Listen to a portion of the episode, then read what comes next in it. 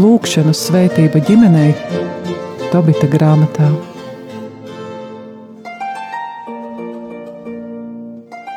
Slavēts Jēzus Kristus. Mūžīgi mūžā slavēts. Studijā Stela un Anģela. Kā esam jau kopā ar Tobitu un viņa dēlu Tobiju nonākuši līdz grāmatas noslēdzošajai 14. nodaļai. Un, ja atceramies, pagājušajā reizē mēs lasījām 13. nodaļas otro daļu un vairāk pievērsāmies šim Tobita cildinājumam svētajā pilsētā Jeruzalemē un redzējām tās lielās paralēles ar jauno derību, ar Jāņa atklāsmes grāmatu, kur ir šī pilsēta, kurā mājo Dievs. Un ar tādu lielu slavēšanu un sajūsmu par šo debesu pilsētu, Tobits arī beidz šo rakstīto lūkšanu. Viņš ir sajūsmā par šiem dārgakmeņiem, un, ja atceramies, arī atklāsmes grāmatā ir skaists apraksts par dārgakmeņiem pilsētas mūros, par vārtiem no vienas pērles, un saprotam, ka tas jau nav domāts tā fiziskā izteiksmē, jo reizēm, ja mēs iedomājamies, kā tas fiziski izskatītos, mums šķiet, nu kā tādā būrī no akmeņiem un metāla varētu dzīvot. Bet tas apzīmē šo dieva pilsētas krāšņumu, ka tajā ir vislabākais, kas ir dieva dots un ko cilvēki ir dievam pienesuši. Jā, un tā Dieva pilsēta varētu būt arī mūsu baznīca. Jā. Ja? Kur pulcēs ticīgi, lūkšanā, kopībā var eh, arī svinēt svēto misi. Un eh, šeit pēdējie vārdi ir Aleluja! Slavēts ir Izraēla Dievs! Un svētītie slavēs svēto vārdu uz mūžu un vēl. Paldies! Un šeit it kā nekas daudz nav pateikts, bet Anžela jau ir uztvērusi to, ka tur ir runa jau par eh, daudz vairāk cilvēkiem, daudz lielāku cilvēku kopumu nekā tikai un vienīgi izredzētā tauta. Un mēs varētu to attiecināt arī uz baznīcu. Svētītie slavēs svēto vārdu uz mūžu un vēl. Tā tad uz mūžu tas ir teikt, mūžībā. Liek, tas ir eskatoloģisks noslēgums Tobita lūkšanai. Un svētītie tas attiecas uz visiem cilvēkiem zemes virsū, kuri ir atraduši dievu un vēlas mājot viņa tuvumā. Un tagad jau mēs varam pievērsties 14. nodaļai. Un lasām, ka Tobita pateicības vārdi beidzās. Un ar ko beidzās? Jo dzīvē viņš noteikti turpināja katru dienu kungam pateikties. Tobits nomira mierā 112 gadu vecumā un godībā tika apglabāts Ninīvē. Un tur ir apraksts, no kura varam secināt, kad viņu piemeklēja nelaime, cik viņš vēl ir dzīvojis, kad tika ciedināts. Jā, ka viņam, viņš palika akls 88 gados. Lūk, vienā tulkojumā ir tā, un šeit domas dalās, un ir dažādi manuskripti ar dažādiem datiem. Pēc astoņiem jā. gadiem viņš tika jā. dziedināts, tad viņam bija 96 jā. gadi, un mūžībā viņš aizgāja, kad viņam bija jau 150 Nu, Astoņi. Nu, šeit ir 112 gadi minēts. Deitara kanoniskās grāmatas, Bībeles biedrības tulkojums. Nu, un, kad ir akls palicis, Bībeles biedrības tulkojumā min 62 gadus vecs, un nav teikts, kad atguva redzi, bet ir teikts, ka dzīvoja labumā un darīja žēlsirdības darbus, un vēl vairāk slavēja Dievu un cildināja Dievu varenību. Un vēl ir arī bez Anģelas minētā tulkojuma, no kura viņa lasīja, un arī deuterokanoniskām grāmatām vēl ir vairāki varianti, bet tos visus mēs nepārskatīsim, jo varam saprast, ka tas nav tik būtiski. Tieši tas gadskaitlis, kad viņš zaudēja redzi, kad atguva. Vai arī vai viņš nodzīvoja pāri simtam, 112, vai 150, bet, vai 200. Bet šeit eh, varētu pateikt, ka eh, ļoti ilgs mūžs. Jā, ja? ļoti ka ilgs mūžs. agrāk cilvēki dzīvoja ilgāku laiku. Jā, un šeit eh, jau to bija smirst.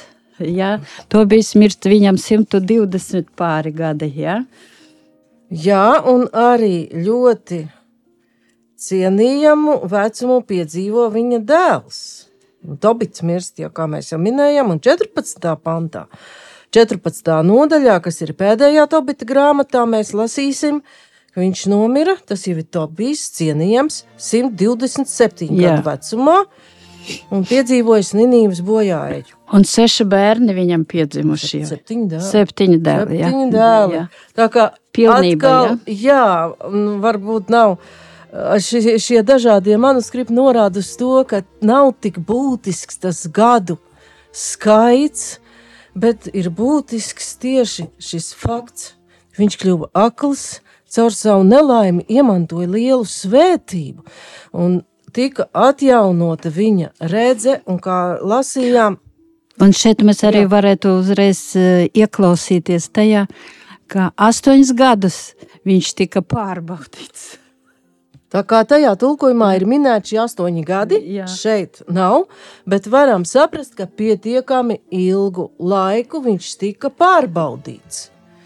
Un līdzīgi kā tika pārbaudīts, arī mēs jau vēl vienu vīru zinām. Vai- Jā, arī ar ījabu, jo tur tāpat ījaps iziet cauri šiem pārbaudījumiem. Viņš neatsakās no dieva, un šī viņa arī materiālā labklājība tiek atjaunota, jo atcerēsimies, šoreiz pat uh, nešķiršu un varbūt nelasīšu, jo kamēr atradīšu, uh, kad ījaba bērni, septiņi dēli, trīs meitas zaudēja dzīvību tajos pārbaudījumos, ko Dievs pieļāva, bet kuru iniciators faktiski bija ļaunais gars.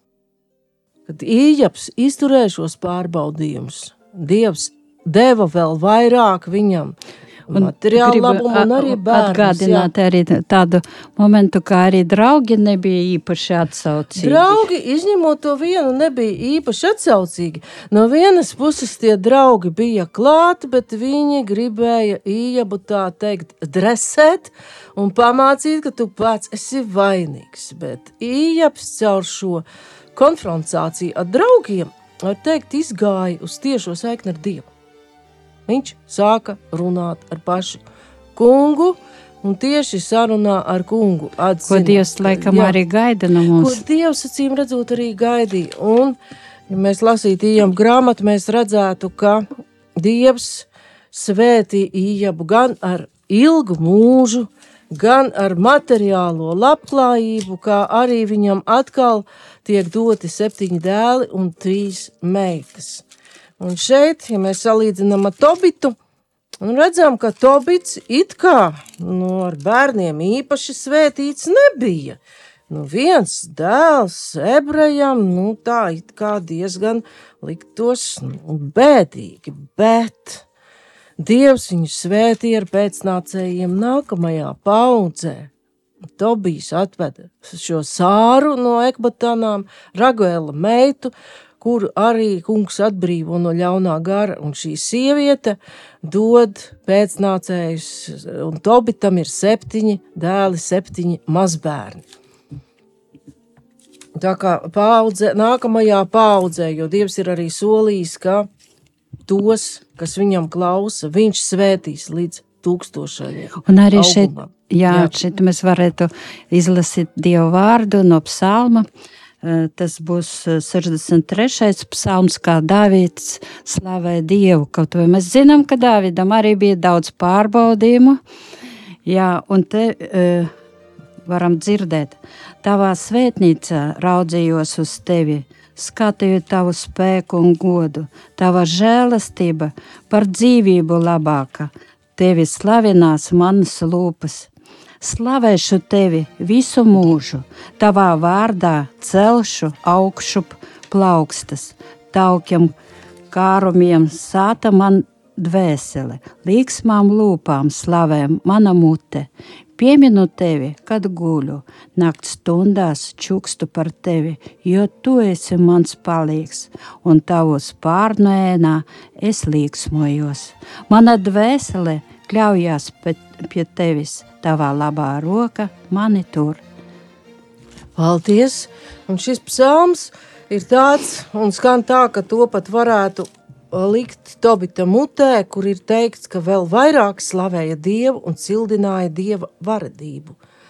Bet no trešā panta jau ir Tobita uzruna e, dēlam un viņa septiņiem dēliem un tādi padomi. Un šādas pirms nāves uzrunas nebija nekāds retums, šo tautu kultūrā, arī izredzētās tautas kultūrā un tādu sanākšanu ap aizgājēju un viņa vēlējumus pēctečiem mēs redzam arī citos svēto rakstu fragmentos.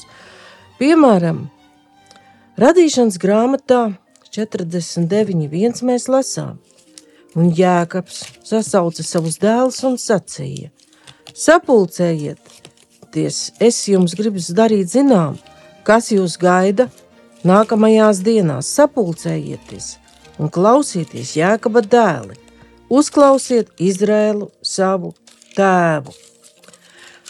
Un šeit arī Jēkabs pirms nāves saicina savus pēctečus, līdzīgi kā Tobits, un ne tikai vēlāk mēs Tobita grāmatā redzēsim, ir aicinājums staigāt kunga ceļus, bet mirstošais arī brīdina par nākamām lietām.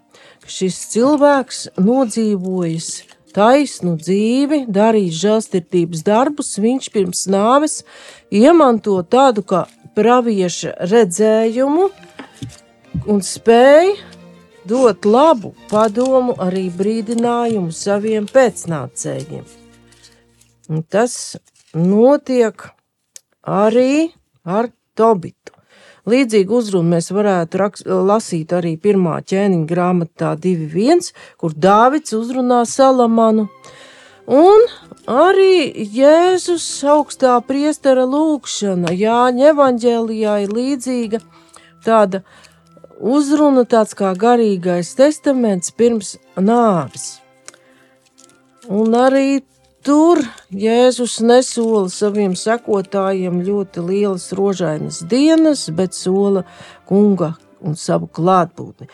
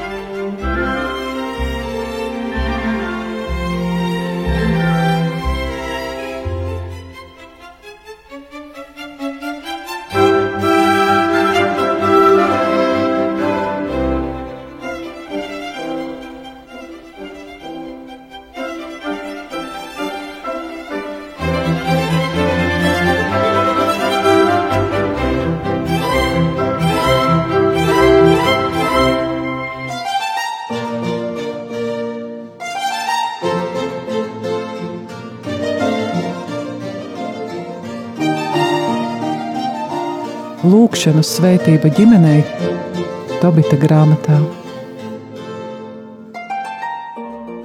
Tobits dod norādījumus. Viņš saka, tā kā ir, un runā ļoti realistiski.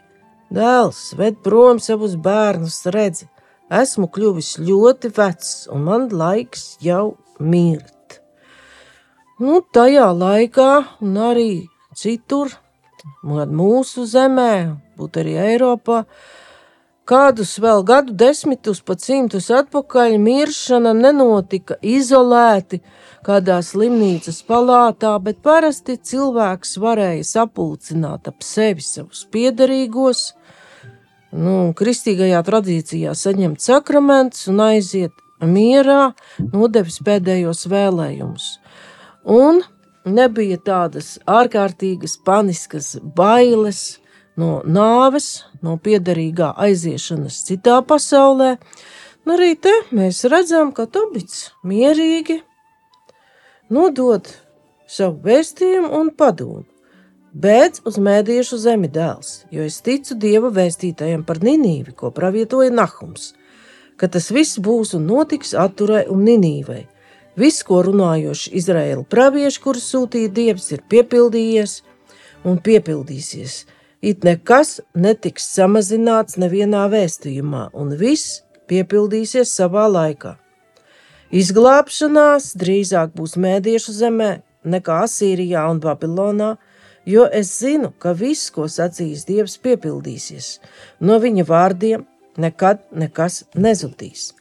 Un mūsu brāļi, kas dzīvo Izrēlā, no labās zemes visi tiks izklīdināti un aizvesti gūstā, un visa Izrēlas zeme tiks izpostīta, un Samarija un Jeruzalem būs izpostīta. Un Dieva nams būs bēdās, un uz laiku tiks dedzināts. Bet Dievs viņus atkal apžēlos. Dievs atvedīs viņus Izraēlas zemē, un viņi atkal cels namu, bet ne tā kā iepriekš uz laiku, kad noteiktais laiks piepildīsies. Pēc tam viņi visi atgriezīsies no gūstniecības zemēm un uzcels Jeruzaleme godājumu. Dieva nams tiks uzcelts tajā, kā par to pravietoja Izraēla pravieši. Visas un visas tautas pa visu zemi, visi atgriezīsies un bijās Dievu patiesi un visi pametīs savus dievekļus, kas maldina viņus ar vēlīgu maldināšanu, un augsti teiks mūžības dievu taisnībā. Nu jā, un šeit varētu mēs arī padomāt par to, ka tāda svētība, kad Tevs aiziet mūžībā, kā Jēkabs gribēja iemantot svētību no sava tēva. Ja? Jā. ka viņam vajag... viņš pats izdarīja krāpšanu. Vajadzētu darīt tādas lietas, bet arī Dievs. Dievs mūs eh, svēta, uh, svētīja arī Izraēļa tautu. Viņš svēta Izraēļa tautu un dot viņai žēlastību. Un tajā žēlastībā cilvēks var atklāt tās personīgas attiecības ar Dievu. Uh, un būt pilnībā kā dēls. Un, uh, izceļošanas grāmatā, 19. nodaļā, mēs varam lasīt uh, Dieva um, svētību viņa tautai. Jūs man būsiet priesteru valsts un svēta tauta. Saki šos vārdus Izraēļa dēliem. Tad Mūzes gāja, sasauca tautas vecējus un stāstīja tiem visu, ko kungs viņam bija pavēlējis, un visa tauta atbildēja: Mēs darīsim visu, ko kungs teicis. At, atstāstīja kungam, ko tauta bija teikusi, un kungs teica Mūzem: Redzi, es nākšu pie tevis biezā mākoni, lai tauta dzirdētu, kad es runāšu ar tevi, un lai tie tev ticētu mūžām. Mūzes pastāstīja kungam, ko tauta bija teikusi. Un šeit arī mēs varam atcerēties Ārona svētību. Laikam pagājušajā reizē es jau lasīju. Jā, viņa bija skaitļu grāmatā. Jā, skaitļu grāmatā. Un kungs sacīja mūzum, sāki Āronam un viņa dēliem tā Svētiet Izraēļa dēlus, sakiet tiem, lai kungs tevi svētī, lai tevi sargā, lai kunga vaigs apgaismo tevi, lai žēlo tevi, lai kungs tev pievēršas, lai dod tev mieru, lai tie liek manam vārdam skanēt par Izraēļa dēliem, un es svētīšu viņus. Jā, cik svarīga ir priekš mums kunga svētība. Un eh, Jāņa evaņģēlijā mēs jau varam lasīt, eh, Jēzus, eh, ko Jēzus Kristus saka mums 14. nodaļā. Jēzus tam atbildēja: Kas mani mīl, tas manu vārdu turēs, un arī mans tēvs to mīlēs, un mēs nāksim un taisīsim pie viņa māju vietu. Kas mani nemīl, tas netur manus vārdus, un vārds, ko jūs dzirdat, nav mans, bet gan tēva, kas mani ir sūtījis. To es jums esmu sacījis, būdams pie jums, bet aizstāvis svētais gars, ko Tēvs sūtīs manā vārdā, mācīs jums visu un atgādinās jums visu, ko esmu jums runājis. Es jums atstāju mieru, savu mieru es jums dodu. Es dodu jums ne tā, kā pasaulē dod. Jūsu sirds, lai neiztrūkstas un neizbīstas. Jūs esat dzirdējuši, ka es jums sacīju, es noeju un atkal nākšu pie jums. Ja jūs mani mīlētu, jūs priecātos, ka es eju pie tēva, jo tēvs ir lielāks par mani, un to es jums esmu pateicis tagad, pirms tas notiek, lai jūs ticētu tad, kad tas notiks. Paldies! Un šis ir Jēzus novēlējums, ko es minēju.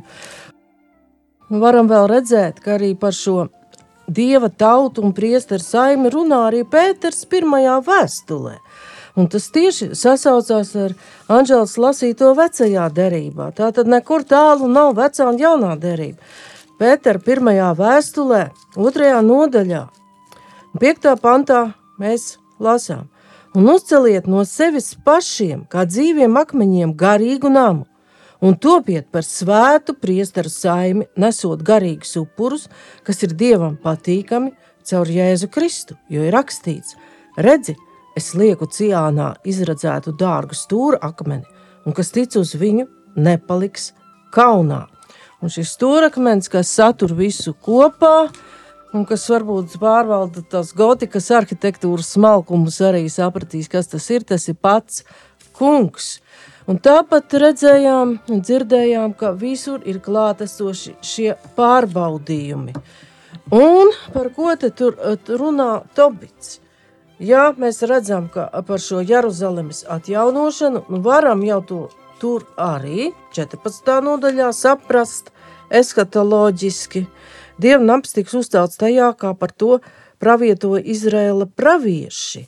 Un visas tautas pa visu zemi atgriezīsies pie Dieva. Tā tad tas ir jau daudz kas lielāks.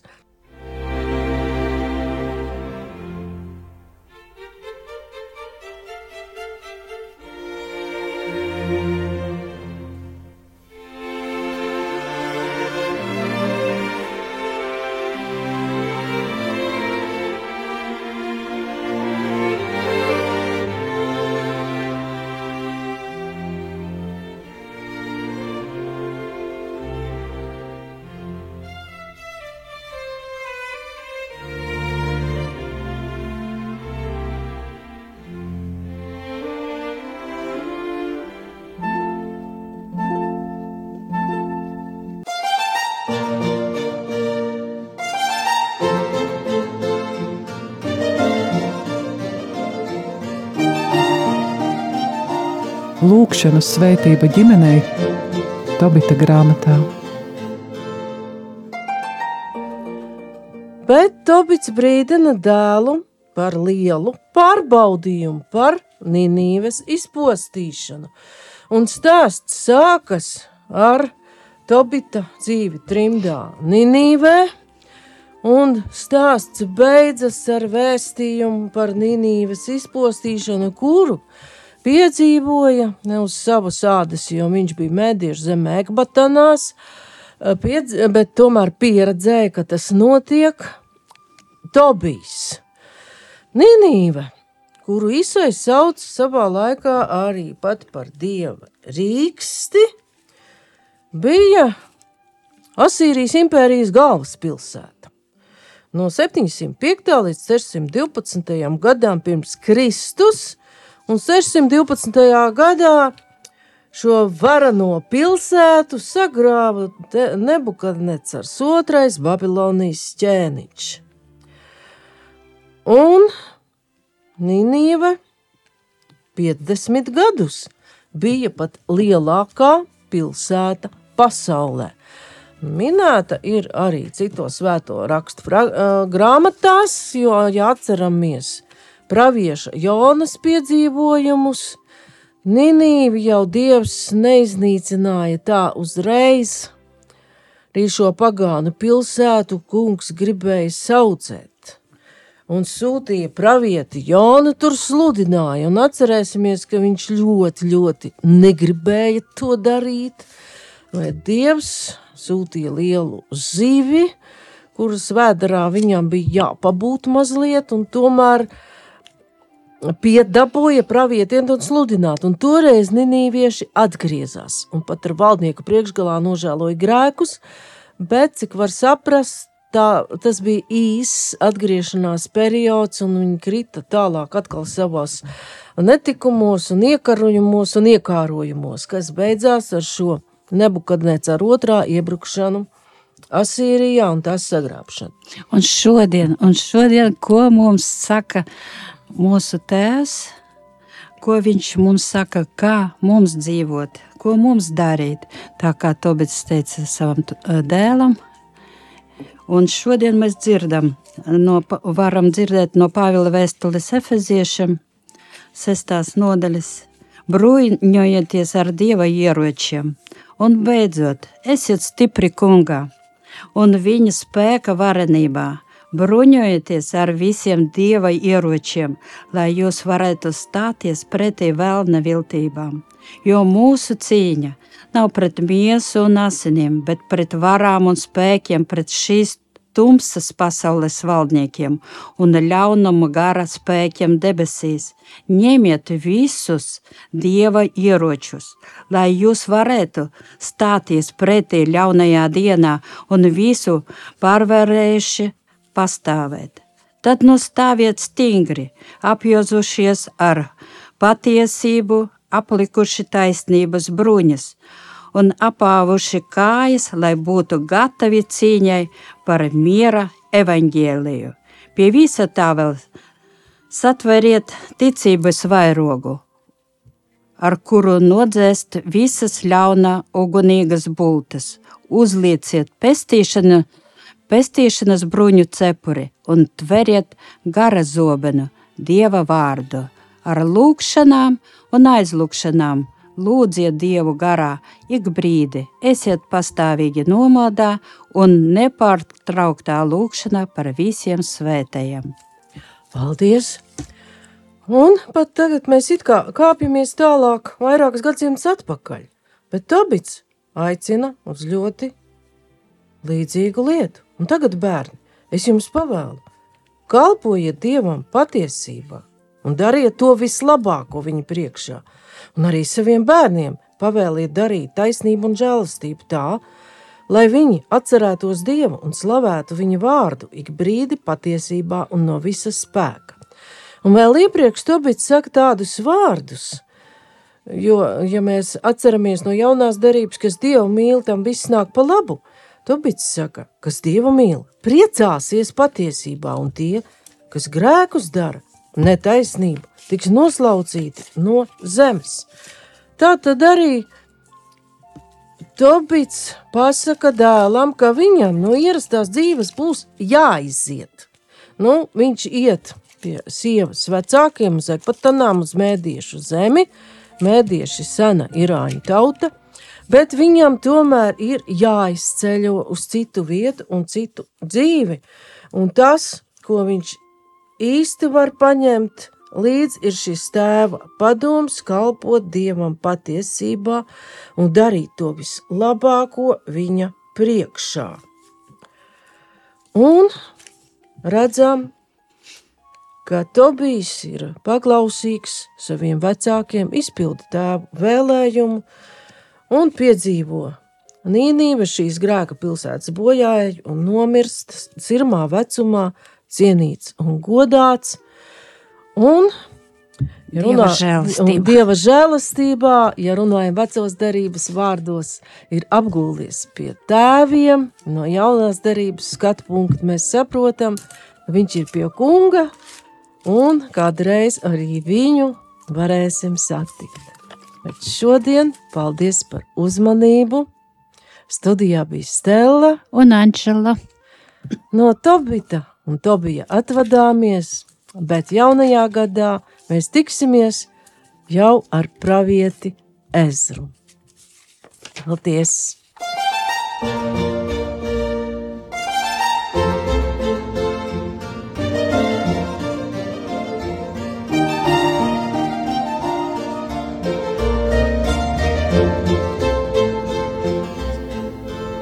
Izskanēja raidījums Lūkšanas svētība ģimenei Tobita grāmatā.